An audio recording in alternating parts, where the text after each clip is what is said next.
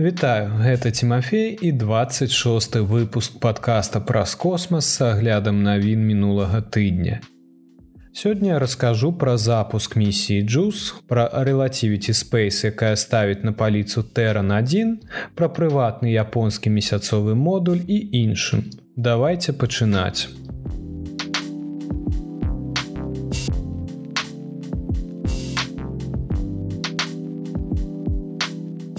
Запуск місіі Джус адчыняе важную веху ў засваенні космасу. Еўрапейскае касмічнае агенцтва запусціла сваю першую флагманскую даследчую місію ў падарожжа да знешніх абласцей сонечнай сістэмы. І гэта падзея азначае важны момант у касмічнай дзейнасці Еўропы. Касмічны карабель Еса Jupiter Isimун Explore ці скарочана Джус, быў запущены на ракете РН5 скуру ў французскай гвіяні ў пятніцу раніцай 14 красавіка, пачаўшы свой доўгі шлях да Юпітера. Гэта вялікі дзень для еўрапейскай касмічнай навукі і ў цэлым для еўрапейскага касмічнага агенства, сказаў Мішель Блан, ганаровы прафесор і планетолог з інстытута даследаванняў астрафізікі і планеталогіі ў Францыі. Для еўрапейскіх навукоўцаў гэта сапраўды адкрывае вялікія магчымасці для даследаванняў. Джус займальная місія сама па сабе. Яна заснаваная на папярэдніх місіях Юпітера і засяродзіцца на галілеевых спадарожніках, ганімедзе, Еўропе і каліста.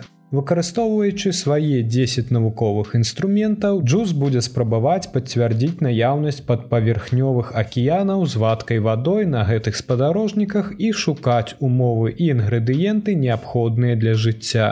Гэта таксама важна для Еўропы, азначаючы сабой ключавую веху для яе і ека, а таксама для навуковай і даследчай дзейнасці. Сказаў Габрэля Рэдыгонда навуковы супрацоўнік еўрапейскага інстытута касмічнай палітыкі ў Вені. Місія мае высокую ступень складанасці і цяжкасці ў сувязі з вузкім акном запуску, колькасцю запланаваных манёўраў на працягу ўсяго тэрміну яе службы і экстрэмальнымі умовамі навакольнага асяроддзя. Высокая рызыка, на якую пайшло еўрапейскае касмічнае агенцтва з гэтай місіяй можа стаць крокам наперад у падыходзе агенства да навуковых місій. Місія таксама можа прывесці да ўзмацнення мяккай сілы Еўропы, даючы вялізныя магчымасці для навуковых камунікацый і падахвочваючы еўрапейцаў праяўляць цікавасць да космасу. Камера Янус Джус, напрыклад, зможа вяртаць выявы паверхні ганімеда з разрашэннем 7 з паловай метра на піксель пры аблёце месяца ў канцы сваёй місіі, што паказвае на патэнцыял навуковай дзейнасці місіі а агульная плошча вялізных сонечных батарэяў джуз складае 85 квадратных метраў. Што на самой справе убачыць і выявіць касмічны карабель усё яшчэ застаецца загадкай. І місія, напэўна, будзе садзейнічаць узнікненню новых пытанняў у навуковай супольнасці. Аліўе Вітас, вучоны праекта еўрапейскага касмічнага агенства Джус сказаў, што ад 500 да адной тысячи вучоных працавалі над місіяй, у тым ліку з калегамі з ЗША і Японіі. Два гады таму еўрапейская навуковая супольнасць выбрала тэмы для наступных місій ваяж 2050, якія ўключаюць місію да месяцаў планет гігантаў, якая патэнцыйна ўключае пасадачны модуль або дрон. Мы яшчэ не ведаем, які ледзяны месяц ці якая планета.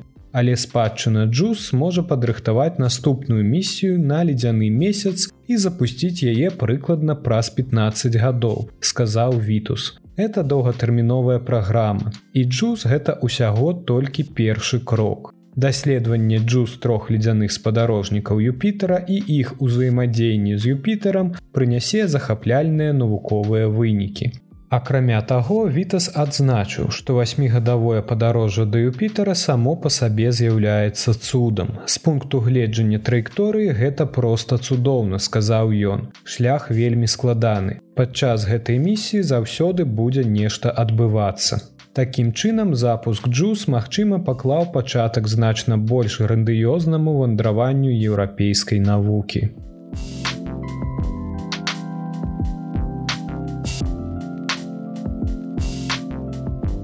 Ці выйдзе касмічны карабель SpaceX на арбіту 17 красавіка. Да першага ў гісторыі арбітальнага палёту гіганцкага касмічнага карабля SpaceX засталося зусім немат часу. На сайце SpaceX 17 красавіка паказана як мэтавая дата для дэбютнай арбітальнай спробы Starship, якая стартуе з пляцоўкі Starbase кампаніі ў паўднёвым Техасе. Аднак тэрміны далёка не усталяваны. Паколькі SpaceX усё яшчэ павінна атрымаць ліцэнзію на запуск ад федэральнага ўправлення грамадзянскай авіяцыі ЗША. Сапраўды у апісанні місіі SpaceX адзначаецца, што дата палёту набліжаецца да трэцяга тыдня красавіка ў чаканні адабрэння органаў, якія рэгулююць палёты. Рэгулятыўныя перашкоды здаецца адзіныя, якія стаяць на шляху доўгачаканага запуску. SpaceX падобна лічыць тэхнічны бок ідэальным ці амаль такім. На мінулым тыдні кампанія сабрала старшып для палёту, размясціўшы прататып шып 24 на першай прыступцы ракета носьбіта бустер 7 на арбітальнай стартавай пляцоўкі Starbase. І відаць, больш ніякіх сур'ёзных прац перад стартам не патрабуецца старшып гатовы да запуску. Чакаецца адабрэнне ад федэральнага ўправлення грамадзянскай авіяцыі ЗША заявіў зааснавальнік і генеральны дырэктар SpaceX Ілан Маск у твиттары ў суботу 8 красавіка Каманды сканцэнтраваны на падрыхтоўцы да запуску на папярэдні першага комплекснага лётнага выпрабавання старship, якое адбудзецца ўжо на наступным тыдні, паўтарыла SpaceX у аўторак 11 красавіка ў паведамленні ў твиттары. Старship складаецца з велізарнага паскаральніка першай прыступкі суперхэві і касмічнага карабля верхняй прыступкі вышынёй 50 метраў, вядомага як старship. Яны выраблены з нержавеючай сталі, абсталяваныя новымі рухавікамі кампаніі раптар і прызначаны для поўнага і хуткага паўторнага выкарыстання. Старship стане самай магутнай ракетай, якая калі-небудзь лётала, а яе шматразовае выкарыстанне дазволіць SpaceX запускаць вялізныя карысныя нагрузкі на каляземную арбіту і за яе межамі па вельмі нізкіх коштах, заявіла кампанія. Маск лічыць, што гэты апарат зробіць рэвалюцыю ў касмічных палётах, дапамагаючы зрабіць такія амбіцыйныя праекты, як каланізацыя Марса эканамічна здзейсняльнымі. Сапраўды, у панядзельнік 10 красавіка SpaceX размясціла на Ютубе пяцихвілінную анімацыю, якая паказвае палёт касмічнага карабля на Марс які заканчваецца тым, што пасажыры глядзяць на ландшафт, заселены і створаны чалавецтвам. Спасылка на гэта відэа ўжо чакае вас у апісанні.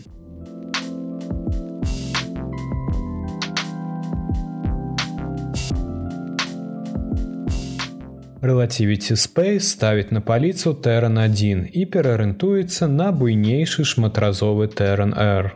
Першая ў свеце ракета, надрукаваная на 3D прынтары выводзіцца з эксплуатацыі пасля аднаго палёту. Тэран1 кампанія Relativity Space запусціўся ў свой дэбютны выпрабавальны палёт 22 сакавіка. Спачатку ракета показала сябе добра, вытрымаўшы MaxQ, частку палёта, падчас якой нагрузка на канструкцыю транспартнага сродка з'яўляецца самай высокай. Але нешта пайшло не так. Неўзабаве пасля таго, як дзве прыступкі Тэран1 падзяліліся. І ракета не змагла выйсці на арбіту. У сераду 12 красавіка кампанія Relativity Space апублікавала папярэднія вынікі даследавання анамаліі. Па словах прадстаўнікоў кампаніі, падобна, што галоўныя клапаны рухавіка разгоннага блоку адчыняліся павольней, чым чакалася. Акрамя таго, кіслародная помпа рухавіка не стварала ціску, як планавалася, магчыма, з-за бурбалкі пару на ўваходзе помпы. Нягледзячы на гэтыя праблемы, ракета дасягнула максімальнай вышыні ў 134 кіламетры. Што значна вышэй лініі кармана на вышыні 100 кіламетраў агульнапрызнанай мяжы, дзе пачынаецца касмічная прастора. Але гэтыя вынікі адышлі на другі план у параўнанні з вялікімі навінамі, якія Relativity Space апублікавала ў сераду. Кампанія пераходзіць ад Тэран 1, каб засяродзіцца на буйнейшым і магутным Тэран R. Relativity Space ужо даўно падкрэслівае, што Тэран 1 з'яўляецца першапраходцам для Тэран R, які кампанія разглядае як свайго будучага працоўнага коніка. Але мы не ведалі, што час для тэрэн 1 будзе такім кароткім, што ў яго будзе ўсяго толькі адзін шанец. У сераду мы таксама даведаліся, што Relativity Space значна змяніла дызайн TRNR, зрабіўшы яго большым і магутнейшым. Меркавалася, што папярэдняя версія будзе мець вышыню 66 метраў і зможа паднімаць да 20 тонн на нізкую калазямную арбіту. Шмат у чым дзякуючы сямі рухавікам першай прыступкі Іан. Аднак новы ТРНР будзе ўзвышацца на вышыні 82 метра над зямлёй і на першым этапе будзе мець 13 рухавікоў Іан. Ён зможа дастаўляць на нізкую калязямную арбіту да 23 з паловай тонн у шматразовым рэжыме або цэлых 33 з паловай тонны ў аднаразовай канфігурацыі. Для параўнання ракета SpaceX Falалcon 9 са шматразовай першай прыступкай можа даставіць на нізкую калязямную арбіту 22,8 тонны. Аднаразовы варыянт таксама з'яўляецца новай распрацоўкай. Тэрн R раней рэкламавалася як цалкам шматразовая ракета. Зараз плануецца выкарыстоўваць аднаразовую верхнюю прыступку прынамсі на дадзены момант па над аднаразовай або шматразовай першай прыступкай. Я называю гэта прыярытэтам паўторнага выкарыстання на першым этапе толькі таму, што эканамічная выгада нашмат вышэй, сказаў генеральны дырэктар Relativity Space Тим Эльс. І паколькі нам трэба выйсці на рынок як мага хутчэй дасягнуць больш высокай хуткасці разгону, мела сэнс засяродзіцца на гэтым рэсурсе кампаніі. Гэта значна больш прагматычнае першапачатковае рашэнне. Relativity Space планавала ўпершыню запусціць Terran Air у 2024 годзе. Але зараз кампанія нацэлілася на 2026 год для дэбютнага старту, паведаміў генеральны дырэктар Тим Эліс. Гэта азначае, што нам давядзецца чакаць яшчэ тры гады да наступнага запуску Relativity Space. Тэран 1, які здзейсніў палёт у мінулым месяцы, быў прыкладна на 85соткаў надрукаваны на 3D прынтары па масе. Relativity Space заявіла, што плануе давесці гэты лік да 95соткаў для Тэран R, але гэта ўжо не так прынамсі для самых ранніх ітэрацый ракеты. Тэран R па-ранейшаму будзе ракетай надрукаванай на 3D прынтары. Але першапачатковыя версіі прынамсі будуць выкарыстоўваць ствалы з алюмінівага сплаву. Гэта неабходна, каб задаволіць рынкавы попыт на ракеты такога памеру. І гэты памер значны. Цяга ТРНР пры старце будзе параўнальная з цягай Ньюглен ад Blue Origin і вал канцэнта ад United Launch Alliance. Двух цяжкавозаў, якія таксама рыхтуюцца да сваіх дэбютных місій. Relativity Space сапраўды ставіць перад сабой вялікія мэты.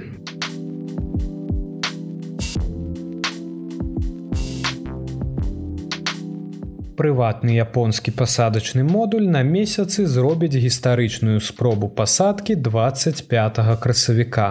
Прыватны японскі месяцовы модуль ад iSpace зараз знаходзіцца на арбіце вакол месяца і плануе пасадку 25 красавіка у 1640 па Грынвічы.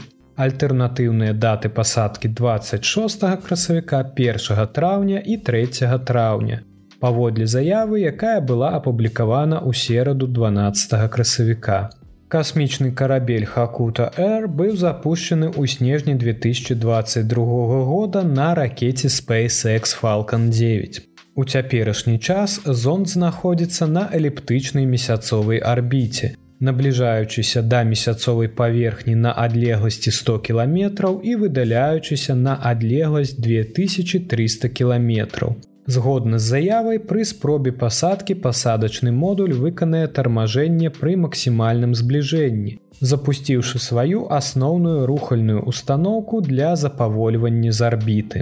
Выкарыстоўваючы шэраг папярэдне зададзеных каманд, пасадачны модуль адрэгулюе сваё становішча і паменшыць хуткасць, каб здзейсніць мяккую пасадку на паверхню месяца. Працэс зойме прыкладна одну гадзіну. Асноўнай пасадачнай пляцоўкай з'яўляецца кратер Атлас, размешчаны на паўднёва-ўсходнім знешнім краі мара фрыгарос або мора холаду. У выпадку поспеху Хакута Air стане першым прыватным касмічным караблём, які прызямліцца на месяц. На касмічным караблі таксама знаходзіцца малюсенькі марсаход рашыт ад касмічнага агенства аб'яднаных арабскіх эміратаў. Поспех зрабіў бы Японію чацвёртай краінай, якая здзейсніла мягкую пасадку на месяц пасля злучаных штатаў Савецкага саюза і Китая. Хакута Р таксама першы крок для iSpace. Кампанія ўжо працуе над сваёй другой і трэцяй місіямі на месяц запуск якіх запланаваны на 2024 і 2025 гады адпаведна.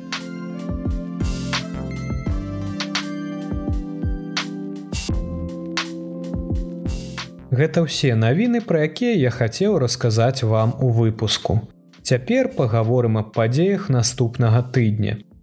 Як я і казаў раней 17 красавіка а 12 гадзіне дня па Грынвічы ракета носьбіт суперхэві і старшып ад SpaceX будуць спрабаваць здзейсніць першы цалкам інтэграваны выпрабавальны палёт новай ракеты. Місія зробіць кругасветнае падарожжа амаль на адзін поўны віток, што прывядзе да паўторнага ўваходу ў атмасферу і прываднення зуркалёта недалёка ад гаваю.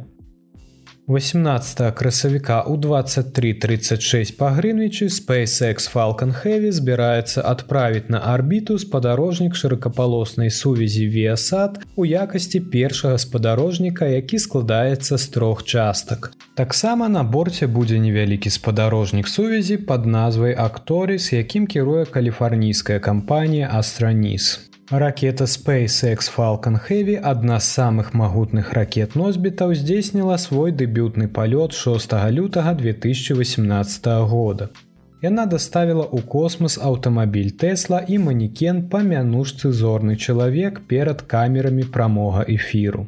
Паміж місіямі, якія завяршыліся ў лістападзе 2022 года, быў трохгадовы перапынак выкліканы найперш затрымкамі кліентаў з падрыхтоўкай сваіх карысных нагрузак да ўзлёту. Апошняя місія Falcon Heavy і пятая па ліку стартавала ў студзені 2023 года з сакрэтнай місіяй для касмічных сіл ЗША пад назвай USSF67. Тры паскаральніка першай прыступкі Falcon Heavy прызначаны для шматразовага выкарыстання, але не ўсе місіі робяць гэта з-за патрабаванняў да паліва. Па словах Everyday Astronaut у гэтай місіі усе тры бустары ўрэжуцца ў акеан. Паводле старонкі спецыфікацыі SpaceX рухавікі Мерлін першай прыступкі Falcon Heavy ствараюць цягу больш за 5 мільёнаў фунтаў пры старце. Ракета была самай магутнай з дзеючых у цяперашні час пакуль 16 лістапада 2022 года сістэма касмічнага запуску NASAа не падняла месяцовую місію Атэміс і месца самай магутнай ракеты заняла Space Launch System. Дзякуй, што даслухалі да канца. Гэта невялікі эпізод. На гэтым тыдні я зрабіў відэо аб місіях Атэміс. Гэта відэо ўжо даступна для маіх патронаў. Таму за адзін кубачак кавы ў месяц вы можете падтрымаць мяне і атрымліваць відэа і выпускі падкаста раней за ўсіх. Відео аб місіях Атэміс будзе даступна на Ютубе ў панядзелак 17 красавіка. Таму раю вам падпісацца на YouTube канал падкаста і астатнія сацыяльныя сеткі, калі вы яшчэ не зрабілі гэтага. Да пабачэння пачуемся на наступным тыдні.